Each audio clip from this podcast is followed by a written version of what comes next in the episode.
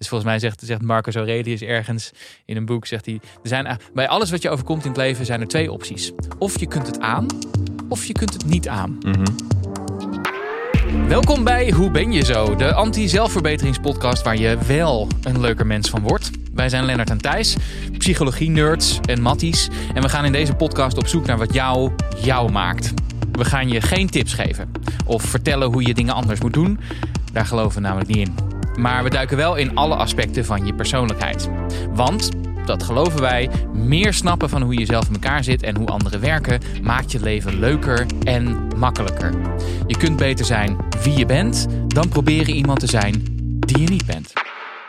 We gaan het hebben in deze aflevering over locus of control. Wat een interessant naam. fenomeen met een draak van een naam. De mate waar, en locus of control is de mate waar mensen, eh, waarin mensen voelen dat ze controle hebben over hun leven. Of, aan de andere kant, dat alles van buitenaf wordt beïnvloed. Ja, Interesting stuff. Ja. Maar eerst ja. Heb je nog iets, hebben we nog iets meegemaakt. heb jij, heb je nog iets meegemaakt? Ik heb iets meegemaakt. Heb jij iets meegemaakt, Thijs? Ik heb iets meegemaakt. Ik heb iets eh, opmerkelijks eh, meegemaakt. En dat was het volgende. Ehm, ik had eh, zo rond de jaarwisseling, net na de jaarwisseling, had ik een column geschreven. En het was een beetje het idee van, dan zitten mensen nog een beetje in een, een reflecterende periode. Wat ga ik nou de komende tijd doen? Wat zijn mijn goede voornemens? Hoe, waar ga ik aan werken? Ehm, en toen zat ik zelf te denken voor mijn eigen gedachten. En toen dacht ik aan het werk van Bronnie Ware. En toen dacht ik, misschien is dat ook wel interessant voor de mensen voor wie ik een column schrijf. Bronnie Ware, eh, zoals je misschien weet, maar waarschijnlijk niet. Bronnie Ware ehm, eh, was een, ze leeft nog steeds, maar ze doet het niet meer, een verpleegkundige ehm, in een hospice. Dus een, eh, een, nou ja, een plek waar mensen naartoe gaan om de laatste fase van hun leven ehm, eh, eh, nou ja, uit te leven. Zeg maar de laatste weken van hun leven en daar ook Mhm. bij te ondersteund te worden. En zij was een soort geestelijk begeleider. Dus zij had veel gesprekken met die mensen om een beetje closure te geven. Ehm, en wat zij veel deed, was met die mensen, eh, aan die mensen dan vragen. Nu zo aan het eind van je leven, als je zo terugkijkt, waar heb je spijt van? En die ze hebben honderden gesprekken gevoerd, kwamen vaak dezelfde thema's in terug. Ehm, eh, en wat ze heeft gedaan, is ze heeft daar een boek over geschreven. Over, en, en die heeft ze de fantastische naam meegegeven in het Engels. The Top 5 Regrets of the Dying. Met andere woorden, ehm, waar, waar mensen aan het eind van hun leven de meeste spijt van hebben. Ja. In Nederland is het vertaald als als ik het allemaal nog een keer mocht doen of zoiets. Ehm, nou, daar staan dingen in. Een aantal van de dingen die je misschien wel verwacht, een aantal dingen die je niet verwacht. Wat er niet in staat is, ik heb mijn bucketlist niet afgemaakt. Of ik heb die promotie niet gehaald. Of ik, had ik maar harder gewerkt, zeg maar. Dat soort dingen staan er dus niet in. Wat voor dingen staan er wel in? Had ik maar wat minder hard gewerkt? Was ik mijn vrienden maar blijven zien? Ehm, eh, had ik mezelf maar wat meer toestemming gegeven om gelukkiger te zijn? Eh, en ehm, eh, had ik maar de moed gehad om een leven te leven vanuit mijn eigen, ver- wat, wat ik zelf had gewild, in plaats van vanuit de verwachtingen van anderen. Prachtig. Dus in die column zei ik, nou, dat zijn de dingen waar je je misschien een beetje zorgen over moet maken. Dat je dat niet haalt. In plaats van die dingen die allemaal ad hoc zijn en op dit moment. Ehm, en daar had, het AD, want daar schrijf ik voor, de kop boven gezet. ehm, eh, waarom je best wat minder hard zou mogen werken. Nou, dat was natuurlijk online weer tegen het verkeerde been. Want allemaal mensen die vonden dat je juist harder moest werken. Ehm, en dat, ja, we hebben in dit land al zo'n cultuur van te weinig werken. Nou goed, dat, eh, dat kan ik allemaal nog wel hebben. Maar eh, toen, eh, twee weken later, ehm, werd ik, kreeg ik een, ehm, een berichtje van een vriendin van mij. Die had mij namelijk op Twitter gespot. Want daar had een, een soort ja, managementgoeroe, bedrijfscoach eigenlijk. Die had een soort filmpje gemaakt eh, van, van mijn column. Met er een, ja, deze, deze psycholoog zegt deze en deze dingen. Maar dat is allemaal natuurlijk niet waar, want je moet juist harder werken. Want alleen maar als je harder werkt kun je succes eh, eh, bereiken. En dan kun je pas het leven leiden wat je echt wil. nou, een beetje vaag, oppervlakkig verhaal van een jongen van ongeveer 20. Waarvan je dan denkt, oké, je, je praat over hard werken. Heb je dat zelf wel gedaan, zeg maar. Ehm, eh, dus dat, maar, maar, dus een aanval daarop. Dus ik zat nou, ik, ik was op weg, eh, eh, op, op onderweg en was een beetje aan het nadenken van moet ik daar nou op reageren of niet? Moet ik een Mhm. filmpje maken of moet ik niet dat filmpje maken met een reactie? Toen ik thuis was en dat een beetje ging onderzoeken, toen zag ik dat die jongen met dat filmpje al op Twitter was verschenen. Waar een soort eh, account was, ehm, dat eigenlijk een beetje lijkt op het Instagram-account ehm, eh, Onpersoonlijke Groei, dat veel mensen wel kennen. Wat komt daarop? Nou, de meest rare coaches, eh, goeroes die daar dan in- een filmpje hebben gemaakt en daar op dat platform worden gezet van haha, wat doen deze maffe types allemaal. Nou, zo'n dergelijke eh, platform, zo'n dergelijk account had je dus ook op Twitter. Daar was deze jongen op terechtgekomen en die werd volledig afgebrand. Mm. En hij praatte een beetje met een Amsterdams accent. Nou, dat vonden mensen een beetje eh, asociaal. Ehm, mensen reageerden op dat hij, hoe hij eruit zag, hoe die, dat hij een kooltrui droeg, eh, dat hij super jong was. ehm, en dat mensen er misselijk van werden. En die zeiden, ah, deze jongen moet eh, eh, voor straf, moet dat filmpje waarin hij zegt dat we harder moeten werken, wordt, moet aan het einde van zijn leven de hele tijd op repeat worden gezet, dat hij er nog eens over na kan denken. En ik, misschien moet hij een jaar dwangarbeid doen. En dat hij er dan van. En mensen Twitter, waren? Twitter waren ze helemaal die jongen aan het afzagen. Eh, en dat is, nou, ik ben, ik ben dus bezig nu met een boek over social media. En het gaat dus ook daarover. Over moral grandstanding heet dat. Het, je morele verontwaardiging delen. Ja, ja. En, eh, dat, dat, en ik zou zeggen, er is een grens. Er gaat ergens gewoon een grens over waarin, waarin het gewoon groepspesten wordt. precies. Dan kan je nog zo gelijk hebben. En dan kan het nog zo'n rare jongen zijn die een raar filmpje maakt. Maar dan ben je gewoon een pestkop. Dan Ja. kan je gelijk hebben, maar dan ben je ook gewoon een fucking pestkop. Mhm. Dus dat zag ik hier gebeuren. Eh, en waar ik dus eerst dacht, oh, ik ga maar reageren op die jongen, want ik word aangevallen. Had ik toen opeens heel veel medelijden met die jongen. Ja. Ik dacht, die wordt zo neergehaald op dat Twitter. Ehm, dat is niet eerlijk. bewijst voor mij ook maar weer dat Twitter gewoon van normale mensen gewoon fucking bullies maakt. Ja. Dus dat heb ik meegemaakt. Nice. Ja, Mooie rant ook. dank. Ja. Heeft nog, eh, heeft nog overlap met het onderwerp waar we het over hebben? Of? Ehm, nou, nee. Het Maar het was wel interessant om te Ehm, horen. eh, in zoverre dat er dus ook, nou ja, er kan gewoon, iemand kan gewoon met je werk aan de haal gaan. En dan Ja. kan je opeens, als je iets in een publieke domein zegt, ehm, eh, onderwerp worden van bespotting van Ja. een hele grote groep. Die Ja. denkt dat ze lekker als goed mensen onder elkaar lekker gelijk hebben. En dan over je heen mogen schijten. Ja, snap fair. Nee. Dus En dat eh, nee, het zit me hoog. Je hoort Ja, het ik merk het, ja. Ja. ja. Nou, maar goed dat je het er even uit hebt gegooid. Ja, nou fijn, dan kunnen we weer door. Dat Ja, is, toch? eh, ja. ja. dus we hebben niet de rent aangezet, maar eh Nee, dat had, het had was- het net zo goed kunnen zijn. ja, bijna wel, ja. Oké, goed. Ja, nee, ik had ook nog, ik heb ook nog wat een- een- een- iets stoms had ik laatst meegemaakt. Is dat ik, ik moet mijn zoontje wel eens naar, naar- natuurlijk naar school brengen, gewoon een basisschool. En dan soms doe ik dat met de auto om dan gelijk door naar werk te kunnen vanaf daar. Eh, en ik ging met de auto. En het is altijd druk in die straat. Want alle ouders gaan natuurlijk tegelijkertijd met de auto hun kind afzetten. Het was ook een beetje regenachtig. Nou, weet je wel. Dus dan komt iedereen met de auto. Super nauw straatje. Ehm, dus eh, ik reed een beetje door om eh, een beetje. Ik zag aan het eind ergens een parkeerplekje. Daar moest ik net voorbij een auto die in een soort van file parkeerstand allemaal stonden. En dat was een beetje aan het eind van de straat. En net toen ik bijna daar was om dan daar in dat soort parkeerstukje te gaan. Ik reed dus rechtdoor nog steeds. Kwam er net een andere, een zo'n dikke Mercedes heel snel de hoek om. Dus ik schrok en ik, en ik draai een soort van mijn stuur dus om. En ik hoor aan mijn achterkant rechtsachter... Zat ik langs die auto die geparkeerd stond. Ah, kut. Ah, Dus ah, ik zo shit. En mijn zoontje, wat is er? Nou, die was een beetje, die was gelijk een beetje van. Ik zei, ah, nou, kom wel goed, kom wel goed. Oké, fijn. Dus ik parkeer hem gewoon. Die Mercedes die reed natuurlijk gewoon eh, door. Prima, die had ik niet geraakt.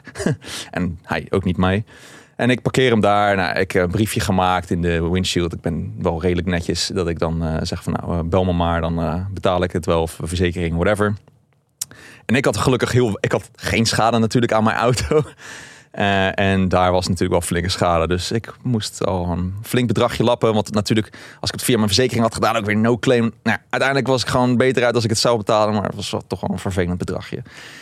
En eh, waar het nou een beetje mee te maken heeft met ook dit onderwerp waar we het over gaan hebben, is dat ik. Was het jouw fout? Ja, ik gaf heel erg de schuld aan die goddamn Mercedes.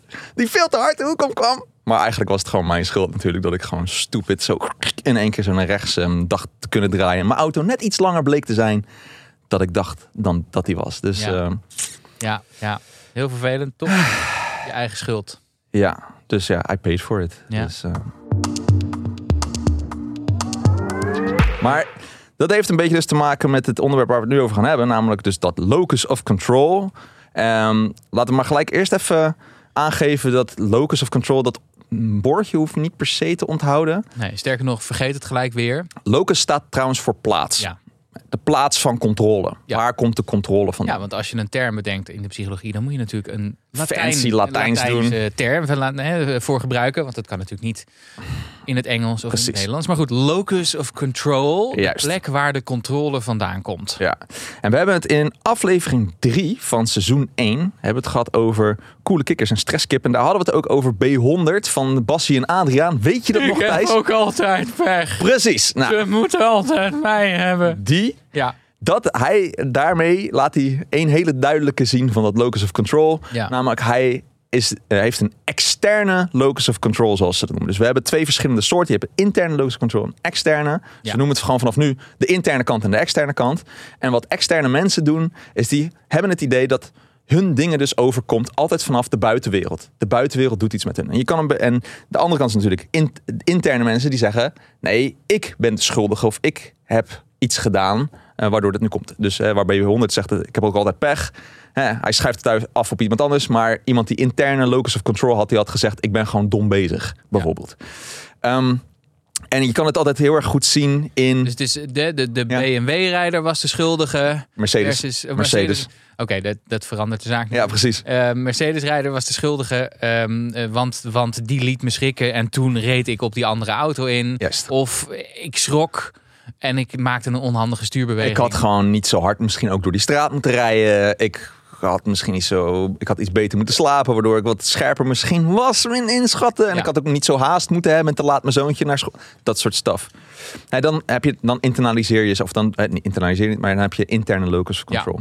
Ja, ja, ja. Eh, en je ziet het heel vaak in, eh, in, in klaslokalen. In, in- wanneer er een toets wordt gedaan, dan heb je altijd je mede, sommige medestudenten die zeggen: "Oh, als ze een slecht cijfer horen, ja, het komt door de toets. De toets was verschrikkelijk. Of de leraar heeft het niet goed uitgelegd. Of "Meh, het, het licht was te fel in het klaslokaal en de klok tikte te hard. Weet ik veel. De leraar heeft een Vlaams accent en daarom begrijp ik hem niet goed. ja, Ja. Dat, zeg ja, maar. Ja, ja, precies. Terwijl, als je een interne locus of control hebt, dan zeg je, ja, ik heb gewoon niet hard genoeg geleerd. Eh, En of, eh, ja, dit vak ligt mij niet, nou, ligt mijn vak het niet helemaal. Ja, ik heb gewoon niet goed mijn best gedaan. Eh, en ik eh, heb slecht geslapen en eh blab, ik heb mijn huiswerk niet gedaan. En dan zet je het op jezelf. Ehm, en dit is uiteraard net als de Big Five en heel veel van die andere persoonlijkheidsvlakken, is dit uiteraard een spectrum. Ja, dus nog, nog even heel duidelijk. Hè? Je hebt dus, eh, als je een interne controle hebt, zullen we het maar even noemen, Mhm. dan heb je dus het gevoel dat je je eigen lot in je handen hebt. En dat de dingen die gebeuren in je leven, dat je daar zelf voor verantwoordelijk bent. Dat is de positieve kant. Ja. Maar dat je ook zelf een fout hebt gemaakt als ze de verkeerde kant op gaan. Yes. Eh, en dan zul je dus ook makkelijker de, de, de, de, nou, de verantwoordelijkheid over een situatie en de verantwoordelijkheid over je eigen leven naar jezelf toe halen Precies. naar de goede kant toe en naar de slechte kant toe. Maar daar komen Yes. we zo op terug. Ja. Heb je een externe controle, dan heb je dus het gevoel dat er over je leven van buitenaf wordt beslist. Ja. Ik ben nou eenmaal zo omdat mijn ouders me zo hebben gemaakt. Bijvoorbeeld. De omstandigheden maakten dat ik zus of zo. Ehm, eh, ik heb eh, de promotie niet gekregen omdat mijn baas een lul is. Eh, of mijn, mijn collega iets heel slims heeft gedaan waardoor ik buitenspel werd gezet. Ben je met andere woorden een beetje het slachtoffer van de omstandigheden. Ja. In ieder geval een speelbal van de omstandigheden. Juist, en dat kan ook soms, eh, met de positieve dingen, kan het ook zijn dat je dan de hele tijd denkt, ah, geluk, weet je wel, ik heb geluk gehad. Ik heb het niet zelf gedaan, maar ik heb geluk gehad. Ja. Eh, of eh, misschien als je religieus bent, dat je zegt, ja, God heeft dit aan mij gegeven. Ik heb niet daar iets voor gedaan, maar het heeft God voor mij gedaan. Ja. Wat kan, maar eh, dus dat kan ook de goede kant, hè, de positieve situatie als de negatieve situatie. Dus nog een keer, hè, intern is dat je heel erg verband ziet tussen je eigen gedrag en de dingen die gebeuren in je leven. En bij extern is het heel erg, het leven overkomt mij. Ja. Dus, dus in, in B100 termen is het, B100 termen is het, ik heb ook altijd pech. Ja. Ze moeten altijd mij hebben, is de ene kant. Ja. En de andere kant is you make your own luck. Yes, precies. Maar, dus wat we zeiden, hè, het is een spectrum. Dat betekent, mensen kunnen het ene uiterste scoren of het andere uiterste. Heel veel mensen zitten er een beetje tussenin. En dat het dan ook gaat verschillen per situatie. En misschien is dat ook wel de meest gezonde, va- gezonde variant, zeg maar. Want alles bijvoorbeeld internali- internaliseren of zeggen dat het jouw schuld is, is ook niet altijd gezond. Ehm, ik heb eh teelbalkanker gekregen. Als ik dan heel erg tegen mezelf had gezegd, dat is mijn eigen schuld dat ik, want ik had niet dat of ik had dit. Ik had mijn smartphone niet altijd in mijn broekzak moeten laten. Daarom heb ik teelbalkanker. is helemaal niet onderzocht trouwens dat dat zo is, maar hè, sommige mensen denken dat dat dat dan heel veel invloed heeft of zo.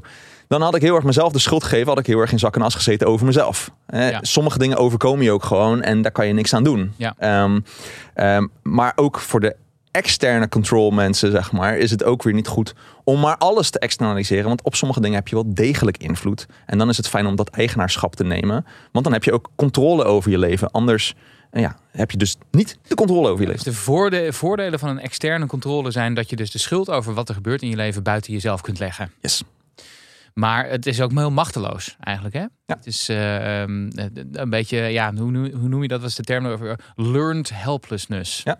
Aangeleerde hulpeloosheid. Ik kan toch niks doen. Het overkomt mij allemaal maar. Precies. Um, en dat, dat stelt je dus, ondanks dat je de schuld voor dingen dus buiten jezelf kunt leggen, stelt je dat minder in staat om zelf verantwoordelijkheid te nemen voor je leven. Maar de andere kant ben ik ook heel erg met je eens. Er is nu ook een beetje een tendens. En nou, ik wil niet te veel op diezelfde trommel blijven beuken de hele tijd. Maar ook weer in, in, in coachingsland, zeg Mhm. maar. Van je moet radicaal verantwoordelijkheid nemen voor je leven. En het leven is maakbaar. Je kunt alles in je hoofd eh, naar je hand. Daar ga, ga je vast nog even iets over zeggen. Hè? Dus alles gaat over. ehm, je kan eigenlijk alles maken. Alles is maakbaar in je Ja. leven. Ehm, en ook als je iets slechts overkomt, dan, heb, dan is dat dus je stomme eigen schuld. Want je hebt niet goed geleefd. Ehm, en als het dus goed gaat, dan heb je dat ook helemaal aan jezelf toe te schrijven. Ja, Ja, Not, not good. nee. Want daar ga je ook niet heel erg, daar ga je niet heel erg gelukkig van worden, denk ik. En het is gewoon niet gezond om dat in zo'n ex- extreme mate te hebben. Eh, je, je gaat jezelf gewoon de put in praten. Want zie je wel, ik heb, eh, het lukt mij niet. Eh, want soms heb je ook gewoon daadwerkelijk geluk nodig ergens voor. Mhm. Ehm, om, om, om bepaalde dingen te behalen of te krijgen. Eh, en, en ja, als je dat dan altijd maar aan jezelf toeschrijft en ik moet nog harder werken, dan werk je jezelf soms de put in. Ja. Eh, en dat is iets wat we niet moeten willen. Ja, dus, dus even om, het, om het concreet te maken. We hebben het wel eens eerder gehad over een sollicitatiegesprek, hè, bijvoorbeeld. Mhm. Het is heel functioneel als je weet dat je een sollicitatiegesprek heel goed kunt voorbereiden. En dat je een deel daarvan zelf in de hand hebt. Ehm, en dat je wel degelijk, hè, dat het niet alleen maar ligt aan die mensen aan de andere kant. En dat je zelf wel eh, echt wel controle hebt over een deel ervan. Ja. Maar je hebt ook over dingen geen controle. Je hebt ook geen controle over wie er tegenover je zit. Of die persoon een goede of een slechte dag heeft. Eh, of de persoon die er net in, in je stoel heeft gezeten misschien een heel positief verhaal had en jij een ander verhaal hebt. Mhm. Daar heb je allemaal geen controle over. Dus het idee hebben dat je alles aan jezelf te danken hebt. En alles aan jezelf te wijten hebt, lijkt mij ook ongezond. Zeker, is het ook.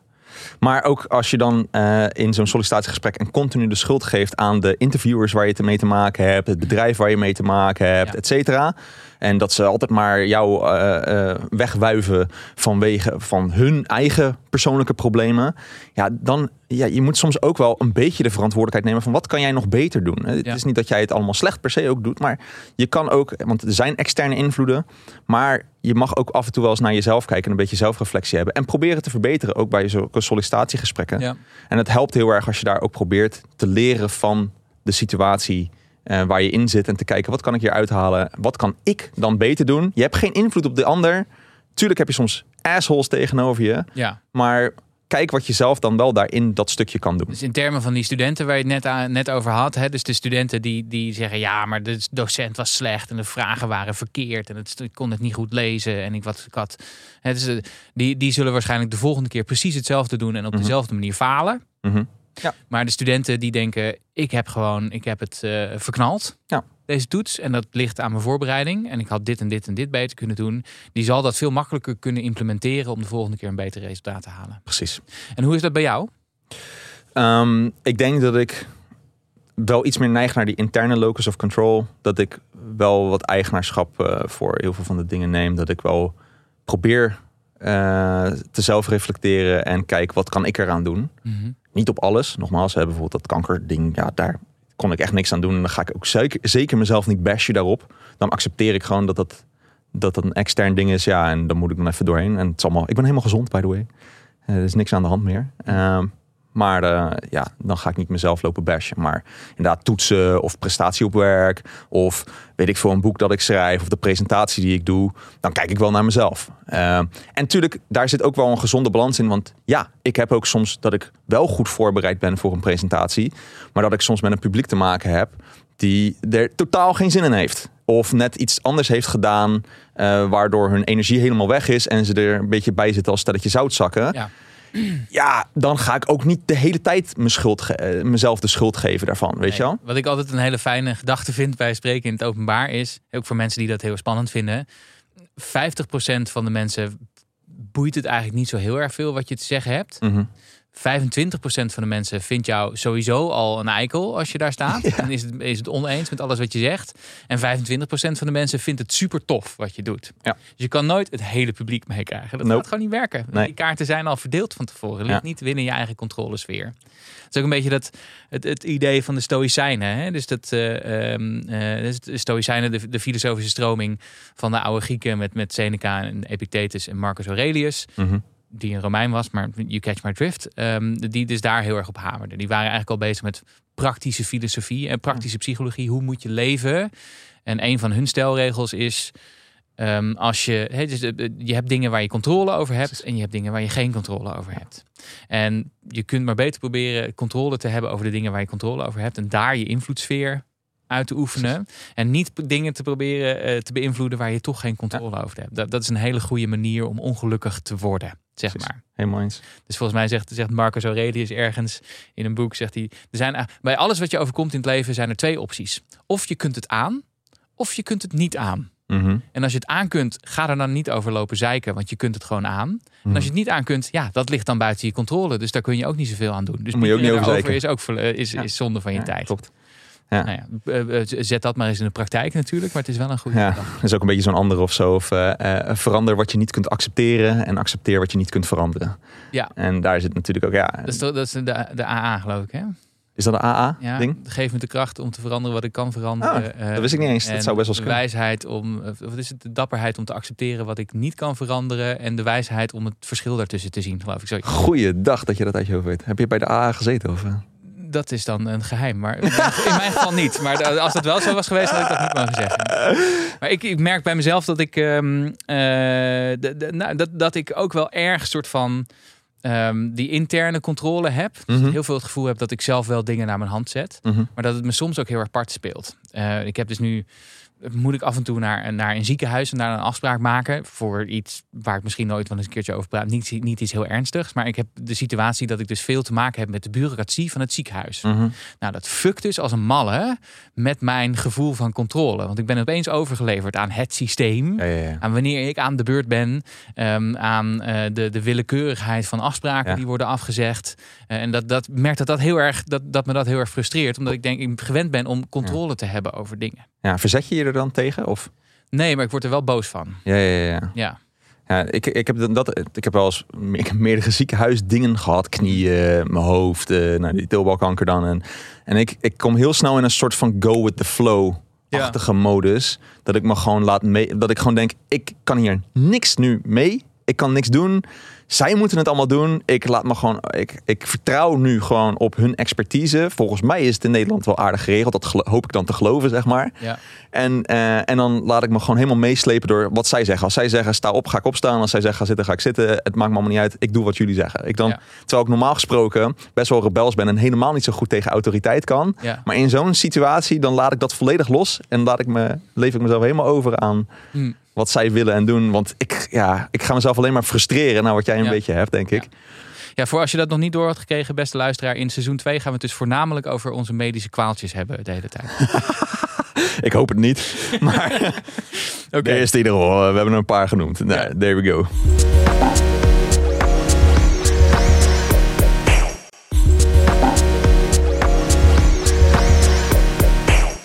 Ehm, wat misschien ook nog een leuke is voor... eh, eh, er zit nog een, verdere onderscheid in, ehm, in dit locus of control verhaal. Namelijk, je kunt een onderscheid maken tussen hoe stabiel is iets. Ehm, dus eh, je hebt voor intern en extern heb je ook een stabiele en een instabiele variant daarvan. Zo moet je het een beetje zien. Dan kan je een beetje in een kwadrant denken. Maar als je dus een toets haalt, dan kan je zeggen dat heb ik gehaald, want ik ben slim. En intelligentie is een stabiele factor. Maar je kan ook zeggen, nou, ik heb het gehaald omdat ik heel erg hard mijn best heb gedaan. Dat is inzet. En dat is instabiel, want dat verandert misschien per keer. Eh, en dus daar zit ook nog een bepaalde factor in. En als het gaat over de externe kant, dan kan je zeggen, eh, nou, eh, de, de moeilijkheid van de taken, dat is misschien een stabiel iets. En instabiel is, ik heb pech, of het is lot, of het is God, of whatever, die ervoor heeft gezorgd dat ik iets wel of niet heb gehaald. Ja, Ehm, en zo heb je dus ook nog stabiele en instabiele factoren, waar mensen dus ook nog eens extra na, over nadenken. En daar kan je dan ook nog eens op verschillen. Maar dan maken we het wel lekker complex. Nou ja, ik zat ook nog te denken aan de fundamentele attributiefout. En daar hebben we het volgens Mhm. mij ook wel eens een keer over gehad. Eh, dat is het, een, een, soort zelfbeschermingsmechanisme die wij hebben als mens.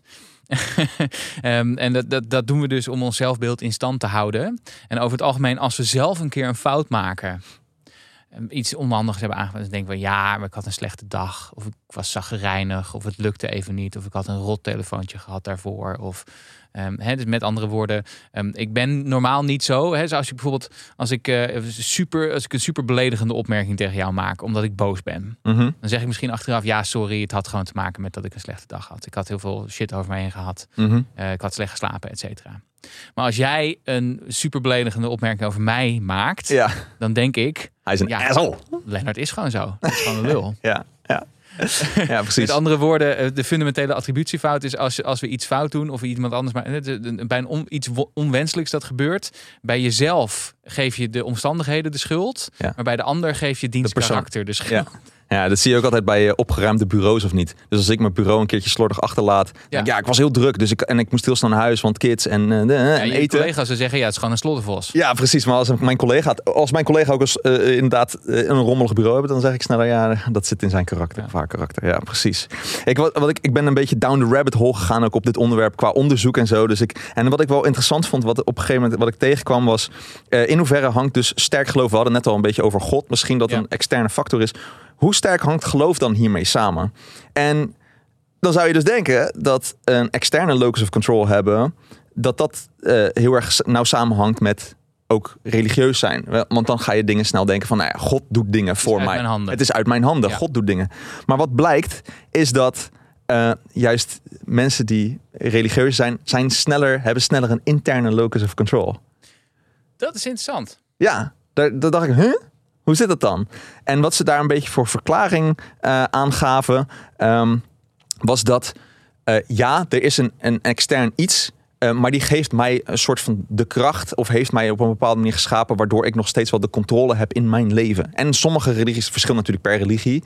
Maar heb je natuurlijk ook wel dat, je, dat God de mens dan op een bepaalde manier geschapen heeft, waardoor hij zelf bepaalde keuzes kan maken. Zeg maar. Ja, precies. En ook op basis van die keuzes word je beloond of afgestraft. Juist. Dat is natuurlijk zo. Terwijl als je een atheïst bent, Mhm. dan geloof je waarschijnlijk in de, in de totale fucking willekeur van de wereld. ja. En En niet dat die wereld rechtvaardig is en dat je beloond wordt voor goed gedrag en Precies. bestraft wordt voor slecht gedrag. Maar dat in de willekeur van het bestaan je net zo goed kan worden voor iets dat je heel goed hebt gedaan of andersom. Ja, en we horen een beetje die filosofische stukken van eh, wat, wat, of, of determinisme bestaat of niet, of Ja. je vrije wil hebt of niet. Nou, determinisme is in de filosofische stroming meer een soort van vast iets van, nee, dingen overkomen je eigenlijk. Je hebt eigenlijk niet zo heel erg veel controle erop. Dus worden we een beetje geduwd naar die externe Er is zelfs nog een school die zegt dat als we echt een beetje de, nu de nerdkaart gaan spelen over vrije Ja. wil, dat vrije Ja. wil überhaupt niet bestaat. Nee, precies. Er zijn een aantal hele interessante eh, Ja. eh, onderzoeken gedaan, ook die bijvoorbeeld door Benjamin Libet.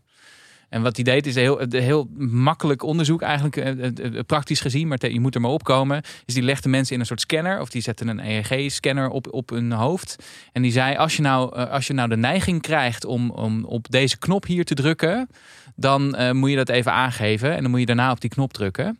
Wat blijkt nou uit die experimenten? Dat ver nog voordat mensen zelf aangaven dat ze daar een keuze in maakten, dat de beweging om die arm aan te sturen, om die knop in te drukken, eigenlijk al was ingezet. Ja. En een van die consequenties die je daarvoor kunt, een van de ideeën die je daaraan kan koppelen, is dat mensen dus eigenlijk helemaal geen vrije wil hebben. Mhm. Dat mensen gewoon eh, automatisch dingen doen, maar die vrije wil daar soort achteraan hobbelt om uit te leggen waarom je dat dan zou hebben gedaan. Ja, ja, ja. Super interessant. ja.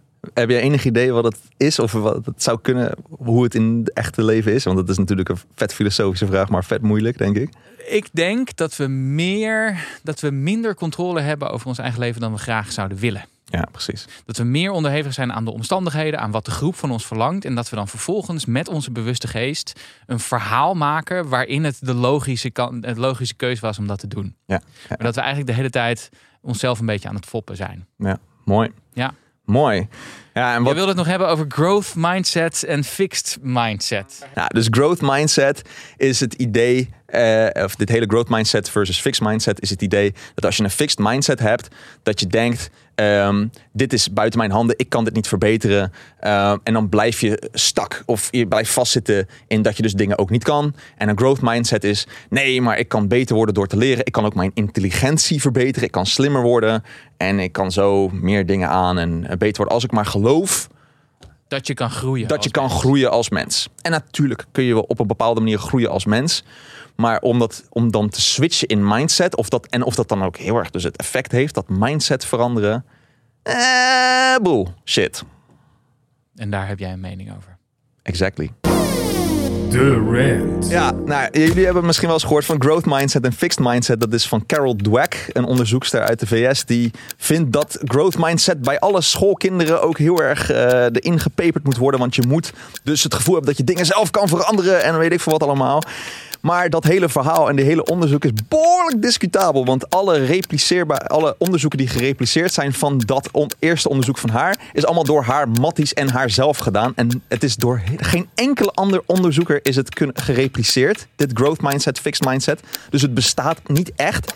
En de vraag is heel erg of je überhaupt je mindset zo heel erg kan veranderen. En dan gaan we heel erg weer in. Het is een beetje dezelfde als de vorige aflevering. Alsof je dus je mindset maar kan veranderen en dan heel veel dingen beter kan doen daardoor. Maar dat is eigenlijk gewoon bullshit. Mindset is heel moeilijk en nauwelijks te veranderen. Fijn als je een growth mindset hebt, want misschien bestaat het wel.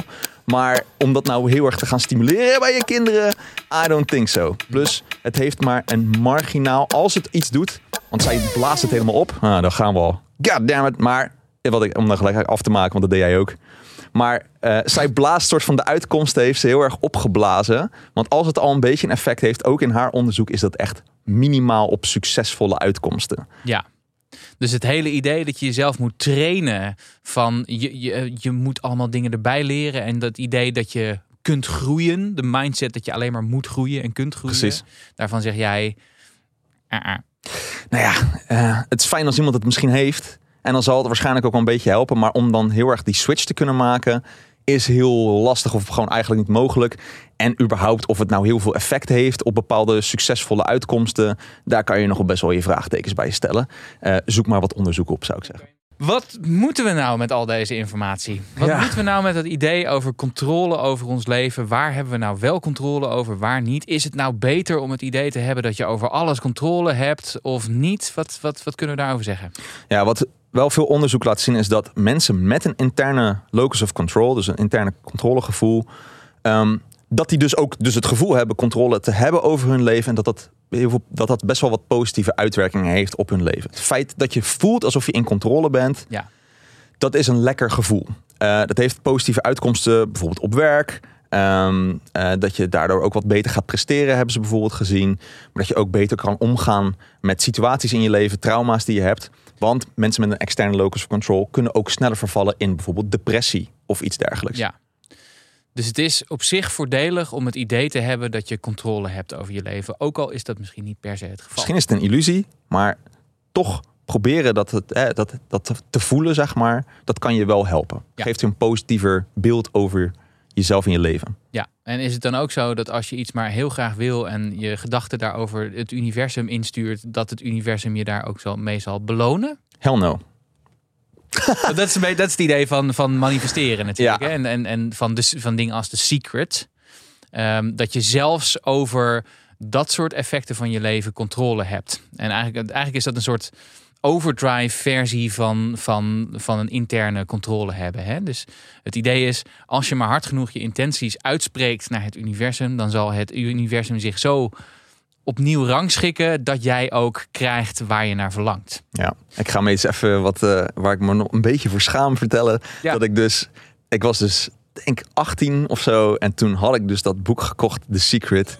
En I shit you not, ik geloofde er ook nog op een bepaalde manier. En ik ging dus ook echt proberen. En dit was echt achter. Want ik deed dat samen met een vriend. Die was er helemaal into. En die haalde mij dus ook over om dat boek te kopen toen. En toen ging ik dat lezen. En toen dacht ik echt wel, nou er zal misschien wel iets van waarheid in zitten, dus ik ga het ook proberen. En dan gingen we serieus, als we dan bij de busstation stonden te wachten, gingen wij proberen te manifesteren dat de bus nu om de hoek zou komen. Het is echt kneus voor woorden. En natuurlijk, soms lukte het. En dan zeiden we helemaal, ja, zie het lukt.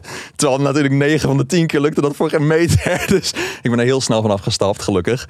Um, het, het grappige is, als je erop let, dan zijn er dingen die wel heel toevallig lijken. Juist. Dus ik was uh, uh, een paar weken geleden was ik bij uh, Jinek aan tafel. Mhm. En toevallig had ik daar in de week ervoor een aantal gesprekken over gehad. Nou, ik zou, en dus ik ben nu bezig met een aantal dingen waarvan ik denk, ik zou nog wel eens een keer aan zo'n ta- talkshowtafel willen zitten. Um, dus daar had ik een paar gesprekken over gehad. Ja. Onder andere met mijn assistent. Ja. Ik, heb, ik heb een assistent die dingen voor mij regelt. Um, wat super fijn is. En, en dus achteraf zei die assistent, ja. Um, maar we hadden dus vorige week hadden we een gesprek over, over dat je wel eens een keer bij Jinek wilde zitten. En uh, een paar dagen later um, zat je er. Het universum. God, God, toevallig hè? Zou er dan toch niet eens een keer wat zitten in, die, in het manifesteren?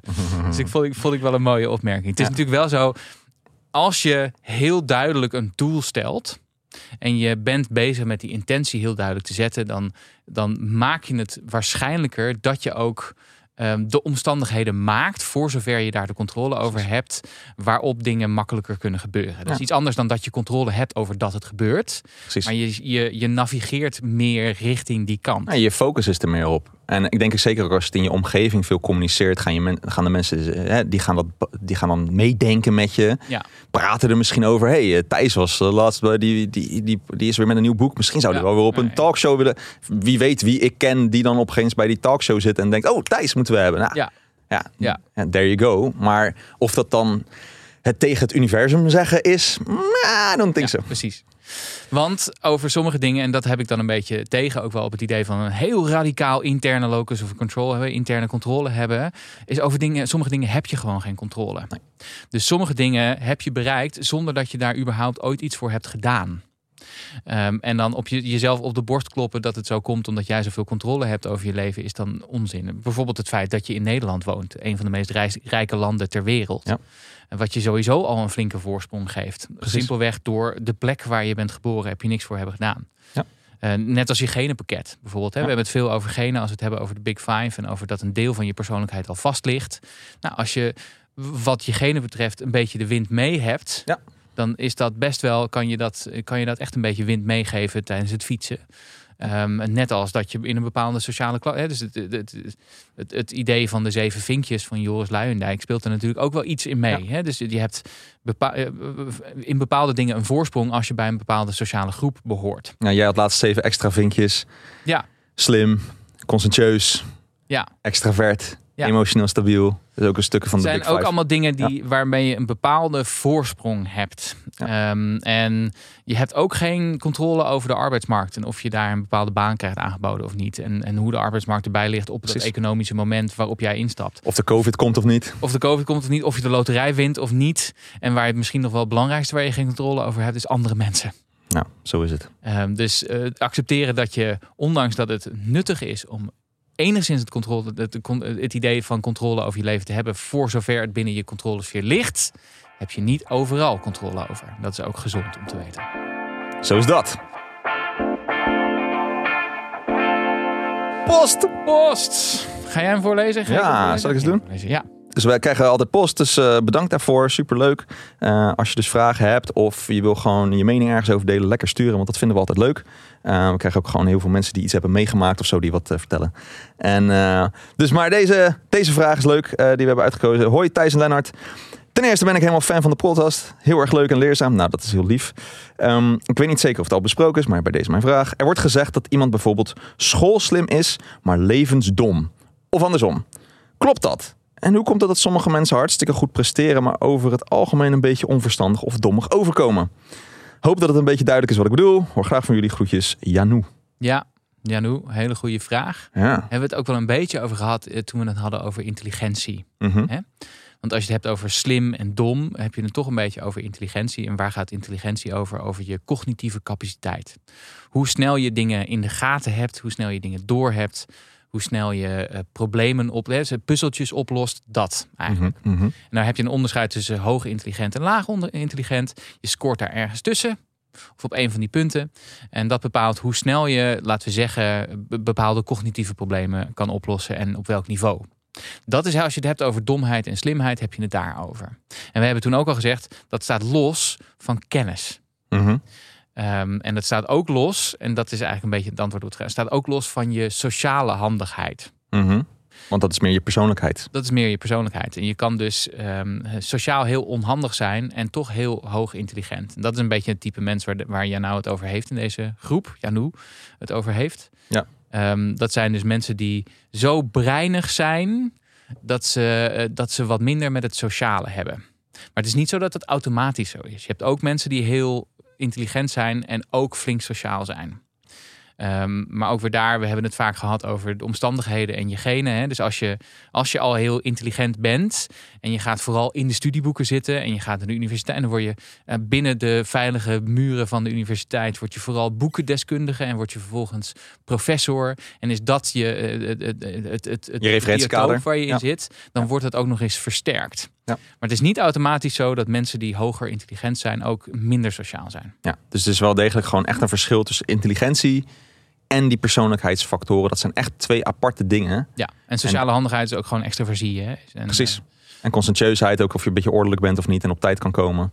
agreeableness, of je een beetje ziet wat andere mensen willen. En, en Sociaal genoeg bent. Ja, ja precies. Ja, dus die dingen hebben er allemaal mee te maken. En daar kunnen mensen ook gewoon weer heel erg op verschillen. Net als dat ze op intelligentie kunnen verschillen. Juist. Dus dat, Je hopelijk hebt vraag ook nog je eens mensen die laag intelligent zijn en niet sociaal heel handig. Die heb je ook nog. Uiteraard. Genoeg. Goed. Ja. Allemaal verschillen tussen mensen. Nou ja, daar gaat deze hele mensen. podcast Ja, over toevallig. nou, dat is fijn. Ja, dus dan weet je hoe het zit. Ja. Hey, volgende week, dan eh, is het eh, Valentijnsdag. Heb je al eh, iets voor, eh, voor je vriendin eh, Thijs? Nee. Zou je er misschien aan denken? Ja. Oké, goed. Nou, we gaan in ieder geval een soort relatiespecial doen. Dus ik hoop dat jullie er zin in hebben. Eh, dan gaan we het over relaties hebben en hoe, de persoon, hoe persoonlijkheid en persoonlijkheidspsychologie daarop inhaakt. Dus eh, stay tuned. Ehm, hopelijk heb je wat eh, leuks over jezelf geleerd in deze aflevering. Eh, we vinden het dus altijd leuk om te horen. Dus dat kan via de social media kanalen. Hoe ben je zo podcast? eh, op Insta en TikTok. Volg ons natuurlijk op Spotify. Geef sterretjes op al die platforms. Dat helpt ons enorm. Ja. Super tof. En onthoud, nee, je hoeft jezelf niet te verbeteren. Een leuker leven begint bij meer begrip en acceptatie. En het idee opgeven dat je anders moet zijn dan dat je bent. Dat geldt natuurlijk voor slachtoffers, maar ook voor manifesteerders. do it.